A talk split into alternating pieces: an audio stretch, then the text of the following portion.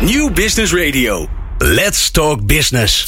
Met nu People Power met Glen van der Burg. People Power is een programma over de kracht van mensen in organisaties. Met interviews en laatste inzichten voor betere prestaties en gelukkige mensen. Deze week gaat Glen van der Burg in gesprek met... Suzanne Wolsing, HR Business Partner bij Hago Zorg. En Alex Volleman, hoofd Human Resources bij uh, Ellipse Life, zijn te gast.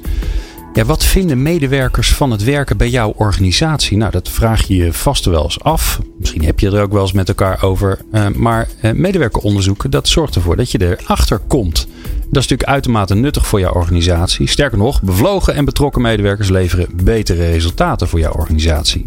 Maar ja, wat doe je met die uitkomsten van, die, uh, van dat medewerkersonderzoek? Gaan ze de la in? Want zonder actie is al die data nutteloos. Suzanne Wolsing en Alex Volleman, die ga je vandaag een uh, kijkje achter de schermen kijken, uh, geven. Een kijkje in de keuken. Hoe zij dat aanpakken, wat zij doen met die resultaten van medewerkeronderzoek. En ik ben natuurlijk bijzonder blij dat je luistert naar People Power. People Power met Glen van den Burg. Ja, fijn dat je luistert. Uh, tweede uur People Power, nummer 99 is het. Ja, dat is spannend hè? Ja. 99ste uitzending van People Power. Voor volgende week dus nummer 100. Dat is wel bijzonder, want uh, volgende week uh, uh, staan we in een vrachtwagen voor het IBC, het International Broadcasting Conference. Zeg ik het goed? Ja. En daar, daar, zijn we de hele dag met New Business Radio en natuurlijk ook met, met People Power twee uur lang. En Net van Waning, een van onze vaste gasten, zit hier in de studio. Die hoort het voor het eerst en die denkt: waarom ben ik hier uitgenodigd? Nou ja, net bij deze. Um, en we, ja, bijzondere uitzending vandaag. We gaan het hebben over medewerkeronderzoek. En wat wel grappig is om te vertellen, is dat wij, um, uh, wij dachten, ach ja, uh, we, we, hadden één hele leuke gast. Een tweede gast, die, die waren we nog aan het zoeken. En we hebben daar ook ons LinkedIn-netwerk gevraagd om hulp. Nou, dat hebben we geweten. Um, uh, dank daarvoor allemaal, als jullie nu luisteren. Echt ideaal, want we hebben nu een enorme lijst van mensen die over dit onderwerp iets kan vertellen. Um, en dat ging ook door lang nadat we al, al, al lang Alex Volleman uh, bereid hadden gevonden om hier uh, het kijkje in de keuken te geven. En ik zal jullie zeggen, we hebben net nog even gekeken. Um, mijn fijne collega Doek Sprakker, die heeft het gepost. En ik. En het is nu, dat kun je zien op LinkedIn. Het is nu 16.000 keer bekeken. Dat is echt bizar, hè? Dus dat, dat, dat pleit nog maar eens een keer voor het feit dat we gewoon vaker om hulp moeten vragen bij jullie. Dus uh, nou, dank daarvoor allemaal. Ze gaan ze allemaal netjes in een lijstje zetten. En, en ergens in de komende jaren zullen uh, jullie je tips uh, wel de revue passeren. Um, Suzanne Wolsing en, en Alex Volleman in studio. Fijn dat jullie er zijn, allebei. Um, ja, jullie, jullie doen de luiken open en gaan jullie ons helpen met, met het medewerkersonderzoek. En laten we maar eerst maar eens even beginnen, uh, Suzanne, bij jou. Want uh, dames eerst. We zijn een beetje traditioneel nog. Kijk, hier. daar hou ik van. Ja, fijn hè? Ja, dat dacht ik al. ik had erop gerekend. ja. um, medewerkeronderzoek. Waarom doen jullie dat? Uh, nou, wij deden heel, er waren heel veel soorten onderzoeken binnen Verbego. En we hebben sinds dit jaar het, de tool Betekenisvol Werk. Uh, met als doel van, nou ja, wij zeggen wel dat we betekenisvol werk bieden aan onze medewerkers. Maar we meten het eigenlijk onvoldoende of op heel veel verschillende manieren. Uh, dus ja, wij zijn heel erg benieuwd naar hoe blij onze mensen op hun werk zijn. Ja, ja. Alex, waarom doen jullie, doen jullie een medewerkeronderzoek binnen Ellipse, Ellipse Live? blijkbaar, uh, de mensen maken het verschil. En dat is iets wat je uh, ja, signaleren. In een kleine organisatie, een start-up, een, een, organisatie waar je eigenaar bent met 20 man, krijg je signalen, heb je een feeling. Maar de vraag is op het moment dat je 50 man, 100, 200 man, kloppen die signalen wel? Oké. Okay. Want hoeveel mensen werken er bij jullie? Uh, op dit moment bijna 200 uh, binnen de Ellipse Live groep. Uh, het onderzoek is gedaan omtrent 15.000 mensen. Oh, dus wij okay. maken onderdeel uit van een, van een multinational. Uh, maar deze onderzoeken die faciliteren je wel om heel diep uh, in de, in de sub, sub, sub afdelingen door te gaan. Ja. Zonder dat het de anonimiteit verliest natuurlijk. Ja, en dan gebruiken ze bij, bij Hago Zorg, wat een onderdeel is van Verbego, gebruiken ze een, een eigen tool, hebben ze ontwikkeld. Wat gebruiken jullie? Wij hebben het ingekocht bij okay. E.ON Hewitt. Oké. Okay. Ik dacht dat het een concurrent van jullie was, E.ON. E.ON is een verzekeringsmakelaar. Ja, toch? En wij werken heel veel samen met E.ON. Oké. Uh, wij werken met, met, met tussenpersonen. Ja. Uh, en nooit rechtstreeks naar de klant. Of naar de pensioeninstelling wel, maar nooit rechtstreeks naar de klant. Okay. Dus E.ON is een businesspartner van ons. Gelijk aan een, een Willis Towers Watson of een, of een Marsh. En nou, ook de kleinere uh, makelaars of de, makelaars zoals een Meijers. nog andere klapverzekeringen. Ja. Want Ellipse Live is, is een. ik, nou, tot vorig jaar, toen je ook bij ons in de uitzending was, tijdens de HR Top 100. Uh, ik had er nog nooit voor gehoord. Maar dat is een van die, van die ja, zeg maar, voor, de, voor het grote publiek, slapende reuzen noem ik ze altijd maar. Een enorm bedrijf. Uh, want leg eens even uit in drie zinnen, wat doen jullie? Ellipse Live is gericht op, op de risico's die de gevolgen van arbeidsongeschiktheid of overlijden ja, dekt. En dan zitten we in de business to business, waarin we dus voor de werkgevers, dat zijn onze gesprekspartners, verzekering kunnen afsluiten. Ja. ja. En waar doen jullie dat allemaal? Want jij, jij bent verantwoordelijk voor, voor zo'n beetje deze regio, hè? voor Nederland. Klopt. we zijn begonnen in, in Zwitserland en Nederland. En op dit moment zijn wij heel ambitieus en goed aan het uitbreiden. We zijn op de goede, goede weg. Duitsland, Italië en op dit moment maken we ook de oversteek naar Amerika. Oké. En jij zegt hè, dat medewerkeronderzoek, dat, dat doen wij omdat wij onze mensen belangrijk vinden. Die maken het verschil. Um, uh, uh, jullie, laten het, uh, jullie laten het uitvoeren via ANU, dus daar koop je het in. Um, hoe, hoe, hoe, ziet dat er dan uit? Is dat een, doen ze dat online? Doen ze het op papier? Ja, dat kan me bijna niet meer voorstellen natuurlijk. Maar, maar hoe, hoe, hoe, bereik je je medewerkers? het is zeker online. Ja. Het is voor de hele groep van, van Swiss Re. Uh, dus wereldwijd. Uh, dat, uh, dat is niet in de landen die ik alleen net noem, maar dat zijn veel meer landen.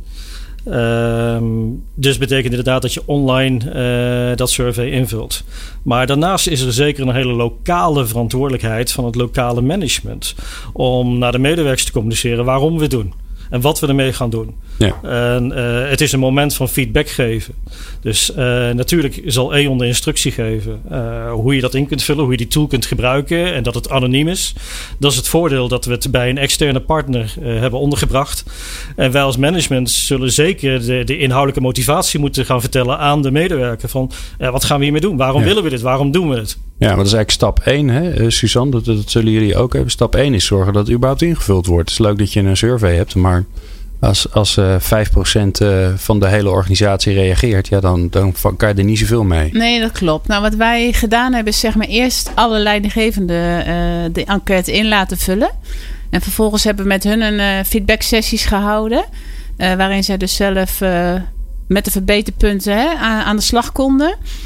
Zo leerden ze ook eerst de tool kennen, hè, de online tool. En um, een manier om ermee over in gesprek te gaan. En vervolgens hebben we het in de hele operatie uh, uitgerold. We hebben ongeveer 3700 medewerkers. En uh, hebben zij het op hun eigen locatie gedaan. En wisten zij ook van, nou ja, ik kan zo'n sessie doen met medewerkers. En dat gaat ongeveer hè, op de manier waarop Suzanne het gedaan heeft. Dus ik heb een soort uh, training daarin gegeven. Okay. En dan heb je ook gelijk een stukje draagvlak. Ze kennen de tool en de manier om ermee aan de slag te gaan met medewerkers. Ja, nou dan ga ik er een beetje vanuit dat ze bij, bij Alex uh, heel veel mensen uh, achter de computer werken. Ja. Dat is bij jullie niet zo. Nee, wij dus hebben ook... Hoe, hoe, hoe, hoe, zorg je dan met schoonmakers ja. die geen werkplek hebben, dat ze dan dat ze het invullen? Nou, dat was best wel een uitdaging. Want in principe willen wij ook graag dat de mensen het online invullen. maar wij hebben niet van iedereen mailadres. En niet iedereen heeft een mailadres. Niet iedereen is de taal bovenmachtig of werkt met een computer. Dus wij hebben aan elke leidinggevende eigenlijk gevraagd. Hè, wij zitten bij klanten binnen, dus grote objecten met in principe grote groepen mensen. Van hoe, zou jij, hoe kan jij het beste jouw mensen bereiken? En de een deed het online, de ander deed het toch uh, met een vragenlijst. Omdat onze medewerkers dat soms prettiger vinden. Met een soort van brievenbus op het kantoor van de leidinggevende kon iedereen hem indoen, zodat hij wel anoniem bleef. En uh, ja, zo is het bij ons op meerdere manieren met de post. Uh, ja, net ja. hoe elke leidinggevende zeg maar, denkt zijn mensen te kunnen bereiken. Ja, nou, daar, daar begint het natuurlijk wel. Hè? Ja. Um, Alex, jij, uh, volgens mij zijn, uh, is hij net geweest. Hè? Jullie, ja. Zijn de resultaten ook al bekend? De resultaten zijn bekend. Ja. In mei hebben we, het, hebben we de, ja, de, de survey gehouden. Ja. Uh, en drie weken de tijd voor gehad uh, om dat in te vullen. Uh, veelvuldig communicatie, ook in de drie weken, is belangrijk. En een respons gekregen van 88% Maar dat is heel netjes. dus dat is zeker valide. En, maar je moet weten dat, dat leadership, management is heel erg gevoelig voor cijfers. En dan is het bijna een doel op zich, inderdaad, mm. om, om richting 90% te scoren omtrent de responsrate. wat eigenlijk onzin is. Waar ik eigenlijk zoiets heb van, nee, als jij je feedback wil geven uh, graag. Maar niet omdat het moet. Nee, nee, nee. Nee, voordat je dat is er een KPI uh, dat iedereen dat ding in moet vullen. En dan, die is er. Oh, die, is er ook. Die is er ook. En ja. ben je daarvoor? Dat zijn wij zelf. ja. ja. Hey, um, uh, laatste vraag van, uh, voordat we naar het plaatje gaan. Um, wat is nou het meest opvallende? Ik ga, Suzanne, ik ga het ook straks aan jou vragen. Dus kun je vast even nadenken in je hoofd. Wat is nou het meest opvallende wat er uit dat survey komt? Waarvan je denkt van, nou, god, had ik nou had ik nou niet verwacht. En dat mag positief of negatief zijn, dat maakt mij niet uit. Ja, dan moet ik je teleurstellen op deze vraag. Ja? En ik denk dat dat, tenminste de service die ik tot nu toe in, in, in ja, mijn loopbaan tegengekomen ben, uh, kun je eigenlijk van tevoren verklaren wat eruit gaat komen. Dus een surprise zal het niet zijn. Uh, wat zeg je dan als het wel gebeurt, dan doe je je werk niet goed? Dan heb je je, voel, dan, dan heb je, je beeld van je organisatie verkeerd?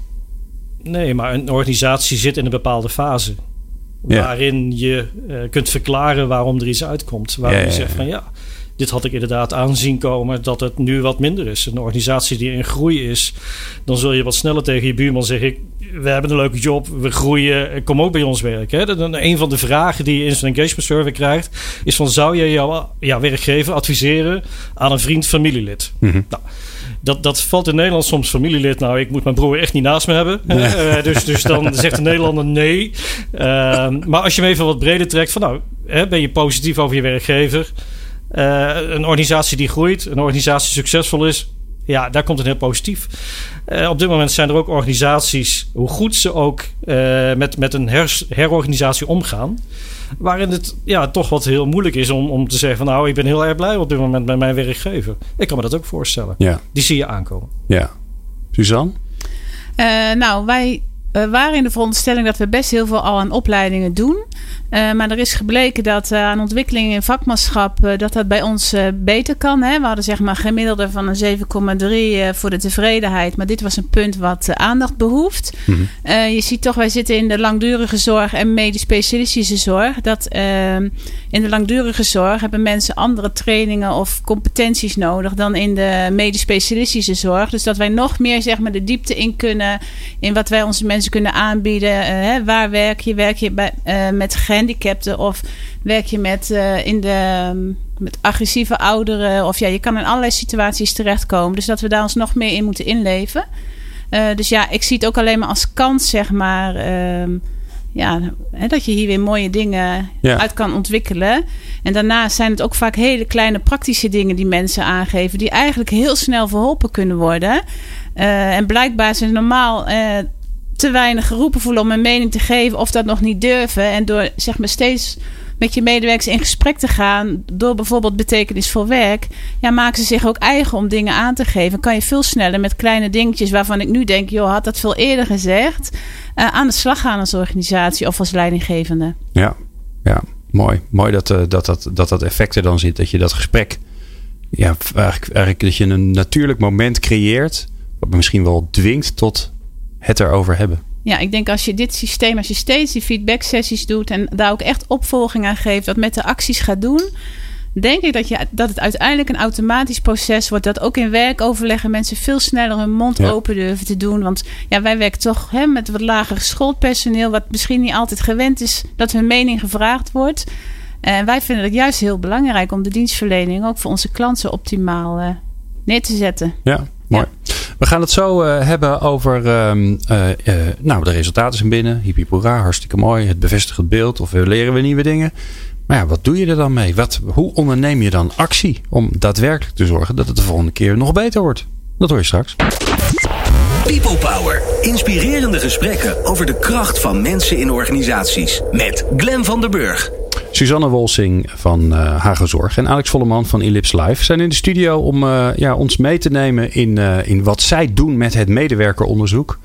we hebben het net al even gehad over ja, waarom ze het überhaupt doen en wat er dan uitkomt en of dat dan opvallend is, ja of de nee. En nu ja, wil ik eigenlijk uitgebreid met jullie over hebben wat je, wat je dan doet met die resultaten. We hebben het al heel vaak gehad over dat het belangrijk is en waarom het dan allemaal belangrijk is. Maar ja, en dan? Alex, hè? jullie doen dat, dat. Het is een enorm onderzoek bij jullie.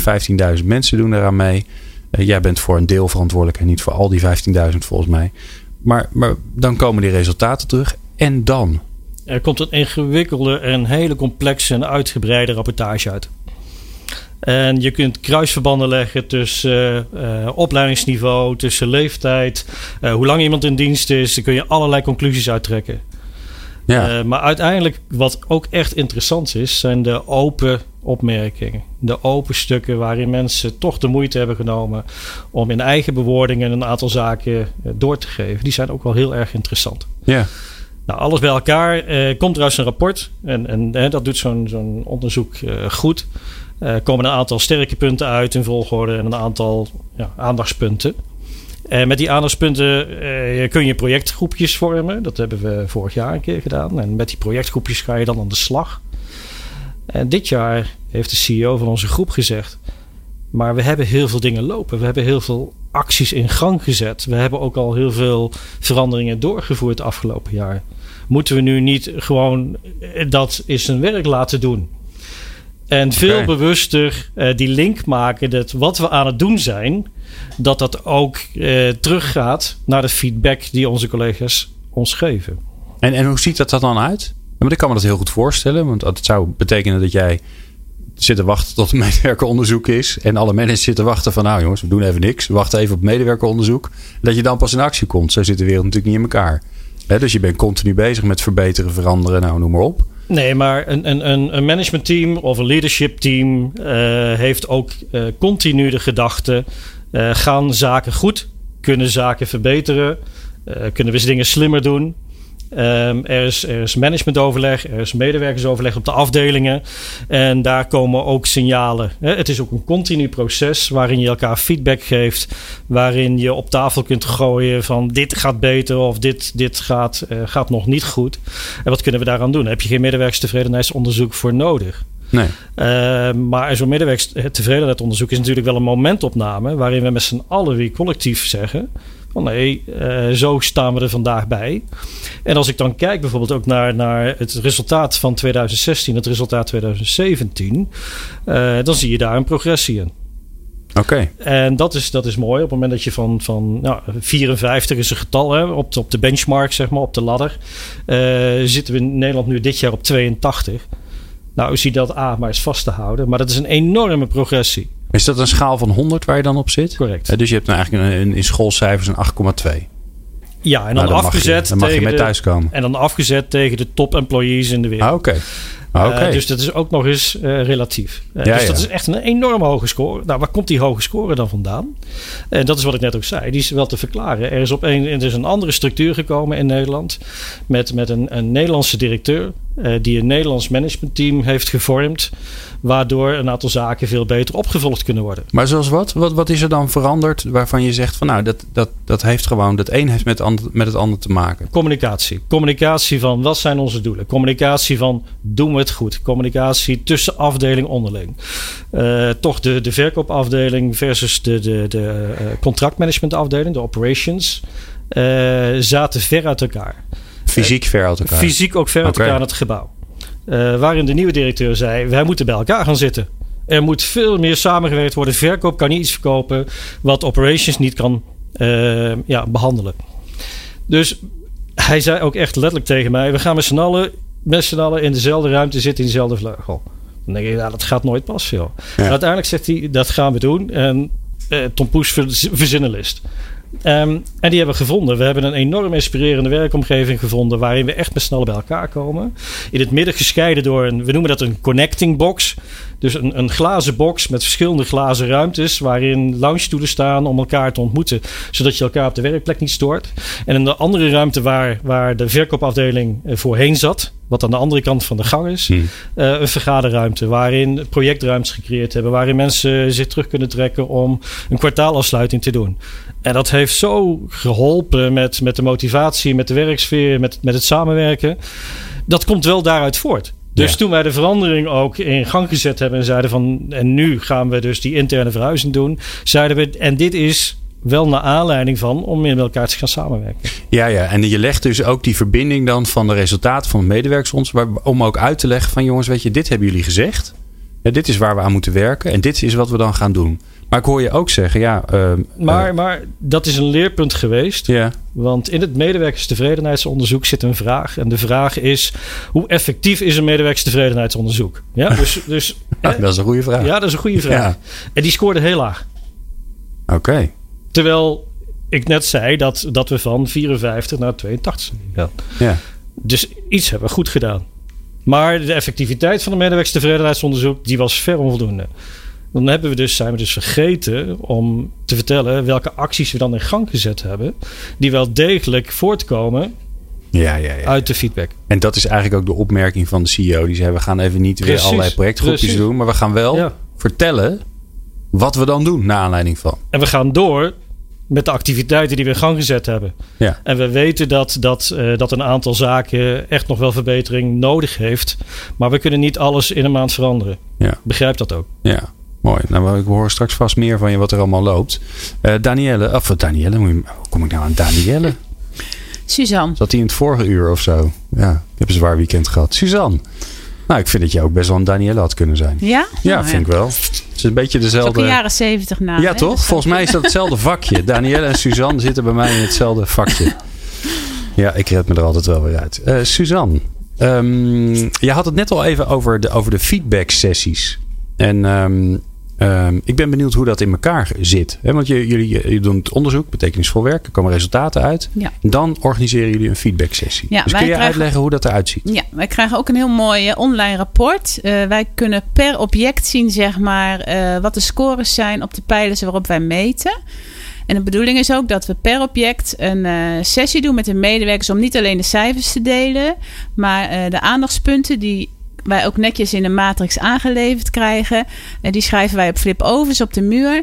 En eh, de medewerkers kunnen dan briefjes plakken met verbeterpunten. Dus niet alleen maar van dit gaat niet goed of dat gaat niet goed. Nee, echt van wat zou ik doen om dit punt te verbeteren. Maar noem eens zo'n punt wat eruit kan komen. eh, nou, bijvoorbeeld, ik zie 's ochtends geen leidinggevende op mijn werk als ik om zes uur begin. Oké. Eh, nou, blijkt dat mensen dan om half zes er al zijn en de leidinggevende om kwart voor zes of tien voor zes. Het zijn soms hele basale dingen. Of eh, onze werkkarren zijn te zwaar. Nou, andere wielen eronder. Nou, weet je, de karren rijden weer. Of ehm, wij krijgen hier geen jaargesprekken. Terwijl wij wel de afspraak hebben dat wij jaargesprekken hebben met onze medewerkers. Ehm, de vloerenploeg wil bijvoorbeeld alleen met de vloerenmannen een eh, werkoverleg en niet met z'n allen bij elkaar. Dus die willen eens even lekker over de vloeren praten. Nou, het zijn gewoon hele simpele dingen, zeg maar, waar zij dan mee komen om te kunnen verbeteren, waardoor hun werk, zeg maar, prettiger wordt. Ja. Ja, en wij hebben dan een aantal rode punten, zeg maar. Daar moet je in principe als eerste mee aan de slag.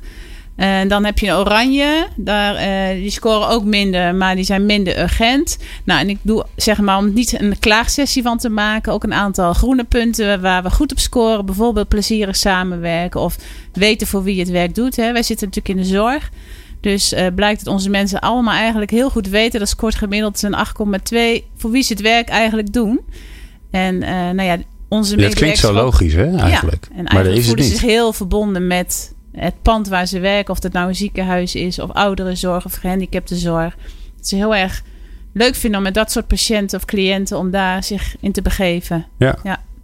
En dan zie ik een muur vormen. Ik, eh, want Ja. jullie doen het lekker fysiek, hè? Gewoon met plakketjes ons, en hè, zo. wij zitten natuurlijk ook met een aantal ongeschoolde mensen in de schoonmaak. Dus niet iedereen is altijd even mondig of durft zijn mond open te doen. Daarnaast heb je verschillende culturen. Hè. In de ene cultuur eh, zeg je wel snel wat, in een andere stel je heel ondergeschikt op. Helemaal een leidinggevende zo'n sessie leidt. Dus daarom hebben wij eh, met geeltjes, met plakketjes gedaan. Dus iedereen krijgt eh, briefjes en pennen. En die kunnen allemaal hun ideeën op de borden plakken. Zo zie je soms ook dat hetzelfde punt wel acht keer terugkomt. Waardoor de leidinggevende ook denkt van jeetje, nou, eh, hier moet ik wel echt iets heel snel iets Ja. mee. Nou, vervolgens gaan we die punten in een actieplannetje zetten met een aantal actiehouders erachter en data. En dan is de bedoeling dat steeds in werkoverleggen wordt teruggekoppeld van nou jongens, deze punten hebben jullie aangegeven, dit gaan we eraan doen. Of we kunnen er niks mee of we zijn ermee bezig.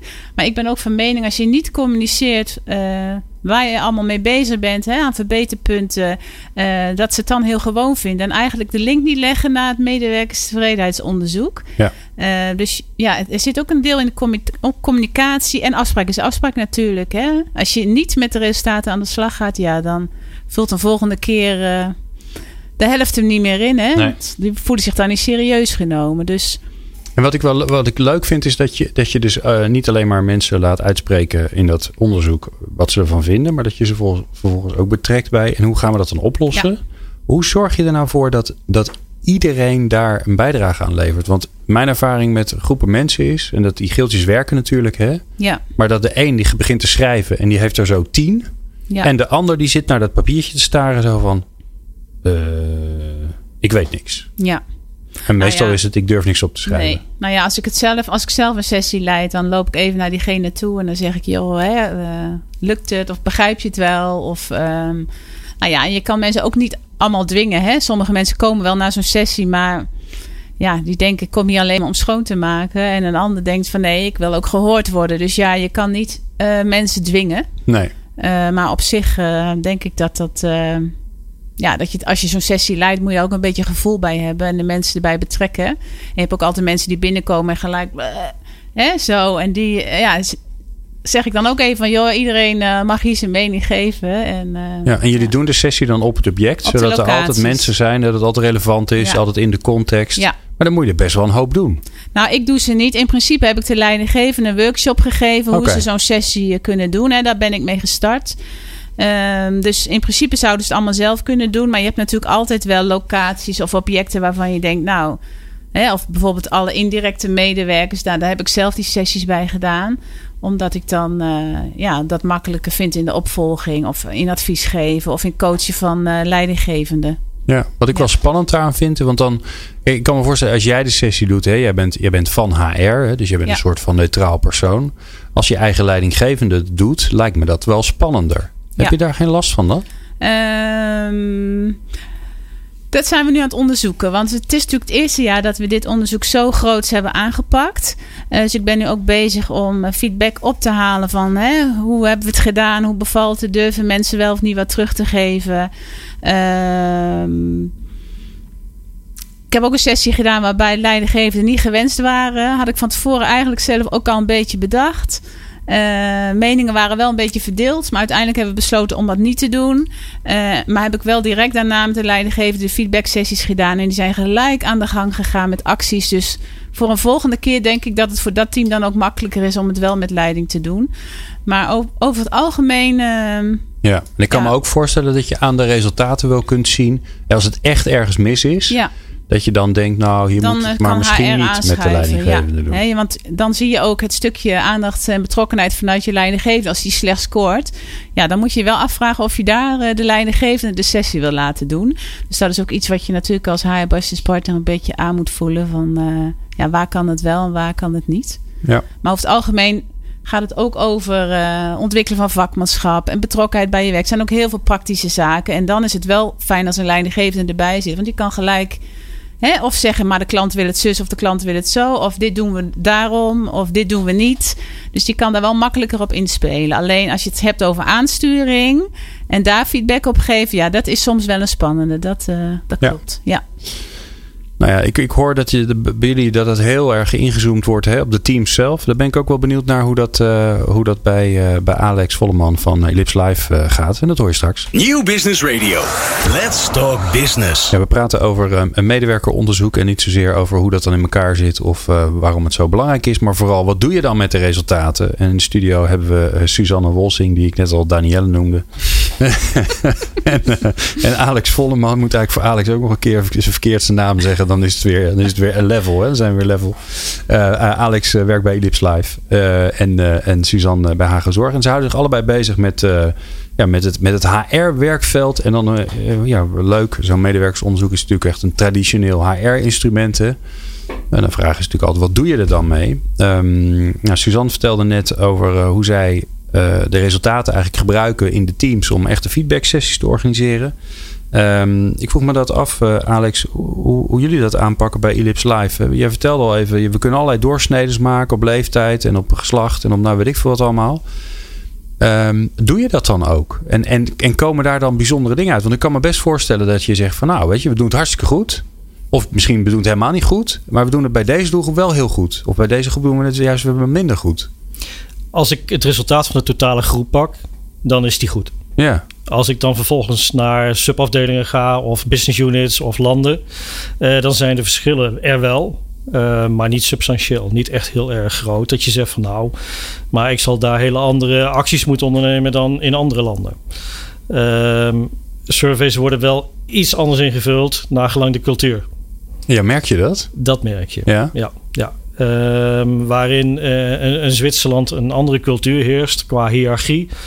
Um, dan bijvoorbeeld in Nederland, waarin veel kritischer gekeken wordt uh, naar een leidinggevende. Ja, is jouw ervaring dan dat, dat eigenlijk de resultaten in Nederland gewoon standaard lager zijn, omdat wij niet zo snel uh, een 9 of een 10 geven? Ja. ja? En, en er zit een verschil in. Hoe dichter je over uh, jouw eigen werkplek pakt. Uh, je eigen functioneren, jouw eigen toegevoegde waarde. Zijn collega's positiever dan op het moment dat je zegt van... Hey, wat vind je dan van andere afdelingen? Ja. Maar dat is nog altijd positiever dan... en wat vind je dan van andere landen? En dat is nog altijd positiever dan... wat vind je dan van het global leadership? Dus hoe verder iets van je afstaat... hoe meer het afzwakt. Ik zeg niet dat het slecht wordt, maar het zwakt wel af. Ja. Uh, de, de inner circle, zeg maar, je eigen groep, ja, is toch altijd wel goed. En dat heeft ermee te maken omdat jij beseft onder welke omstandigheden je welke werkzaamheden uitvoert. Want uh, er was een vacature, of er waren collega's ziek, hmm. of het systeem werkte nog niet helemaal. En dat heb je van een andere afdeling, zie je dat niet zo heel goed. Nee, en dus die zijn dan stom. Want die doen, hè, dat wordt een soort amorf iets. Hè? Dat is een afdeling. Maar dat is niet meer een gezicht en een mens waarvan je weet... oh, uh, zijn vrouw is ziek of uh, zijn kinderen die, uh, die slapen niet. Ja, en, daar, en daarmee is ineens de hele context is weg. Doen jullie daar dan iets mee? Want dit lijkt me wel interessant als je dat ziet. Dat je denkt, nou, dan, dan moeten we dus gaan... Hè, dan moeten we weer menselijker gaan maken op een of andere manier. Wat we doen is we communiceren in het geheel. Uh, van oké, okay, hoe doet uh, de hele organisatie het? Hoe doet de hele business unit het? en vervolgens, mits de afdeling groot genoeg is, kun je een, een, terugkoppeling geven per afdelingsniveau. En zeg je tegen de manager, ga daarmee aan de slag. Of je kunt hiermee aan de slag. Ja. Um, maar ja, opvolging op mijn verhaal eerder. Uh, op dit moment zijn we een aantal acties aan het ondernemen. En herinner ik de, de collega's er veel meer aan. We zijn hiermee bezig. Er zit Ja. hier verbetering in. Uh, draagt daar ook aan bij. Ja. Uh, dus die link te maken tussen de feedback en, en wat we op dit moment doen. Nou, een van de dingen die uh, heb ik ondertussen geleerd van vorige gasten die hier waren, die het meeste invloed heeft op, nou, op je werkplezier, op je werkgeluk, dat is je leidinggevende. Hè? Tenminste, zolang je nog in een hiërarchische organisatie zit. En dat zit bijna iedereen, dus dat komt mooi uit. Um, uh, daar komt natuurlijk ook een hoop feedback op. Want die vragen worden ongetwijfeld gesteld in die, in die ritsvragen die beantwoorden. In er wordt onderscheid gemaakt tussen management en leadership. Okay. Waarin de leadership uh, het hoogste orgaan in de organisatie is. Uh, waarvan ik uit ervaring weet dat die wel degelijk van invloed zijn. Of jij je prettig voelt in de organisatie. Een, een CEO, een executive board, een, een, een board, een directie. Uh, beïnvloedt in hele hoge mate de cultuur uh, van de organisatie en hoe er met collega's omgegaan wordt. Ja. Absoluut. Want Ja. de managers kijken echt ook naar boven. Ja, en die gaan toch een beetje het gedrag kopiëren. Hè? Ja. Zie jij nou, um, um, vertaal je dan die, die resultaten ook door naar die leidinggevende, waarbij je zegt van ja, dit, dit, zegt, dit zegt ook iets over hoe jij je werk doet en hoe je je werk anders en beter gaat doen. En hoe ga je daar dan mee om? Hoe help je die manager om ja, zichzelf verder te ontwikkelen naar, nou, naarmate de feedback die, ze van, die hij van zijn medewerkers krijgt? Uh, vind, vind, ik een moeilijke vraag. Mm -hmm. uh, omdat het onderzoek redelijk anoniem is. Oké. Okay. Dus je kijkt veel meer naar trends, uh, organisatiebreed, van wat je gaat aanpakken. Ik denk dat er vele andere gesprekken zijn eh, gedurende het jaar. Waarin een medewerker en een manager met elkaar in overleg gaan. Van wat verwacht je van mij? Ja. Eh, en dat, dat eh, vind ik. Ik heb afgelopen vrijdag zelf een, een mid-year gesprek gehad, hè, halverwege het jaar. eh, waarin mijn manager vraagt: en wat verwacht je van mij? Hoe kan ik veranderen? Hoe kan ik mij aanpassen? zodat jij effectiever kunt zijn. Ja. Nou, dat, vind ik al, dat vind ik heel sterk als een manager op dat niveau aan tafel zit. Hoe kan ik mij aanpassen aan jou dat jij effectiever wordt? En dat is precies wat de leidinggevende ook de rol is van de leidinggevende. Ja. Het is wel grappig dat je dat zegt, hè? Dat, dat jullie resultaten, hè, dus, dus ze zijn anoniem. eh, maar blijkbaar zijn ze ook niet zo specifiek dat je kunt zeggen van nou, jij bent de leidinggevende van eh, nou, laten we zeggen, 15 of 20 mensen. Dat die resultaten van die leidinggevende dan zichtbaar zijn. Wat we wel onderzocht hebben is eh, de relatie tussen een leidinggevende die veel gesprekken heeft met de medewerker omtrent carrière, omtrent performance, omtrent ontwikkelingen Mhm. En de, de medewerkerstevredenheidsonderzoek. Want jullie, dat, Die dat, kwam eruit. Oké. Ja, dus hoe vaker een manager en een medewerker contact hebben, hoe hoger de medewerkerstevredenheid. Oké. Dat is wel een van de conclusies die je pas kunt stellen als je ook inderdaad voldoende van deze uitkomsten hebt. Dus dan kijk je toch weer naar een hele organisatie breed. Eh, en en eh, als dat echt substantieel eruit komt, kun je die conclusie trekken. En die conclusie mochten wij gelukkig ook trekken. Ja. En wat doe je daar dan vervolgens mee? Je, Door dat heel hard te roepen, ja. heel hard, Heel hard. En nog een paar keer te herhalen. En zeker op het moment dat jij eh, weer halverwege het jaar aankomt als HR business partner en zegt van hé, hey, het, is, eh, het is de zomer, is weer voorbij. Eh mid-year reviews. En er zijn veel organisaties die hebben heel die performance management cyclus doorbroken. Ze zeggen van ja, maar er komt toch ieder jaar hetzelfde uit. Maar het gaat wel om die gesprekken. Mhm. En toch wil een medewerker ook eh, af en toe een formeel gesprek hebben met hun leidinggevende. En eh, als jij dan eh, daarvoor tegen de leidinggevende zegt: het heeft echt van invloed of iemand zich happy voelt op zijn werk, dan denk ik dat, eh, ja, dat het de motivatie is om die gesprekken weer aan te gaan. Ja, en mooi, mooi dat jullie dat verband hebben kunnen leggen vanuit dat onderzoek. Want het is natuurlijk ook, ja, als je het achteraf denk je, ja, dat, ik kan me dat ook heel goed voorstellen. Want je krijgt aandacht en er wordt naar je geluisterd. En natuurlijk, natuurlijk doet dat wat. Maar nu kun je het ook echt hard maken Klopt. Eh, naar leidinggevende toe. En, dat is, en dit is weer zo'n een, een actie waarvan ik zeg: ehm, dat doen we dus. En vandaar deze feedback. Ja, ja, ja, En dat is continu de communicatie van we zijn de goede dingen aan het doen. Een leidinggevende is niet gek hè. Een leadership die zit niet om de mensen voor de gek te houden of, of de mensen te benadelen. Die wil dit echt. Die wil echt een, een club mensen die voor zich werken of met ze werken. Dat, ik denk dat het dat is, met werken. eh, om het resultaat te bereiken. En om de klant inderdaad beter eh, van dienst te kunnen zijn. Beter kunnen verzorgen, servicen, noem maar op. Want dat is uiteindelijk toch de toekomst van je organisatie. Ja, en eigenlijk, hè, als ik jou goed beluister, zeg je, eh, mijn aanname was, je doet onderzoek, daar komt wat uit, daar ga je wat mee doen. En ik hoor je eigenlijk het tegenovergestelde zeggen. Jij zegt, ja, we doen dingen, we doen onderzoek en vervolgens zeggen we, ja, kijk, zie je, we zitten op de goede weg. Eh, hè, dus het is meer een soort van bevestiging of een manier om uit te kunnen leggen ook aan, aan medewerkers van, nou, weet je, dit, dit vinden jullie belangrijk. Nou, dat komt mooi uit, want dat waren we al aan het doen. Dus, Dat denk, dus- ik ook, dat denk ik ook. Maar op het moment dat je een trend ziet dat je de andere kant op gaat, weet je ook weer dat je een tandje bij moet zetten. Ja, ja, want je kunt, ook, je kunt ook checken of het nut heeft wat je aan het doen bent. Klopt. Grappig, ja. Nou, dat is mooi. Ik heb weer wat geleerd.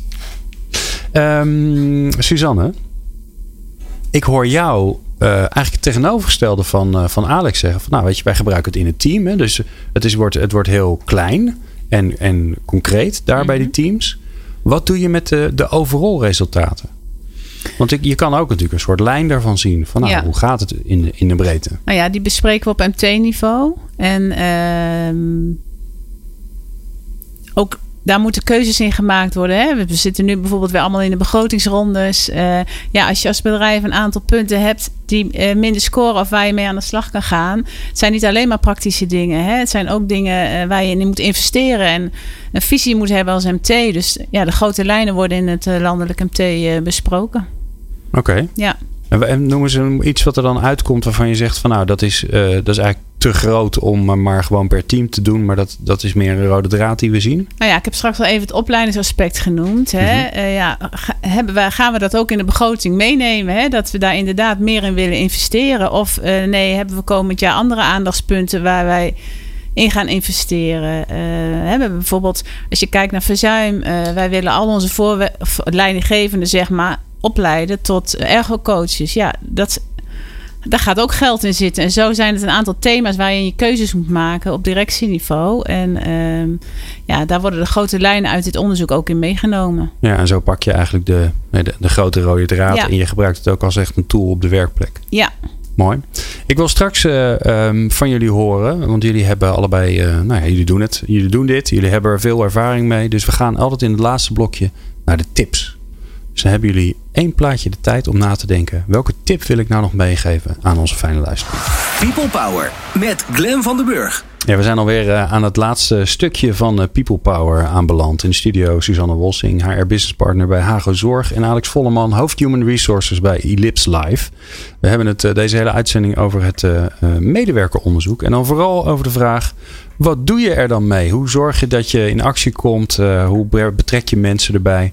En ik heb mijn beide lieve gasten net voor het blok gezet. En wel geteld 3 minuten 20 de tijd gegeven 3 minuten 28, het valt mee. Om, om een mooie tip voor jullie te bedenken. Nou, net was het dames eerst toen we begonnen. Dus nu gaan we maar eens naar heren eerst. Alex, Alex Volleman, um, jouw tip voor, jou, ja, voor jouw collega's, voor mensen die aan het luisteren zijn. Hoe kunnen ze nou op een slimmere manier met dat medewerkeronderzoek omgaan? Um, een tip, maar ook zeker een overweging die ik zelf maak is om het, het survey, wat, wat zeker tijd in beslag neemt, het, uh, de hele aanloop er naartoe, uh, om mensen te motiveren om in te vullen. Maar ook het invullen zelf kost zeker uh, een half uur.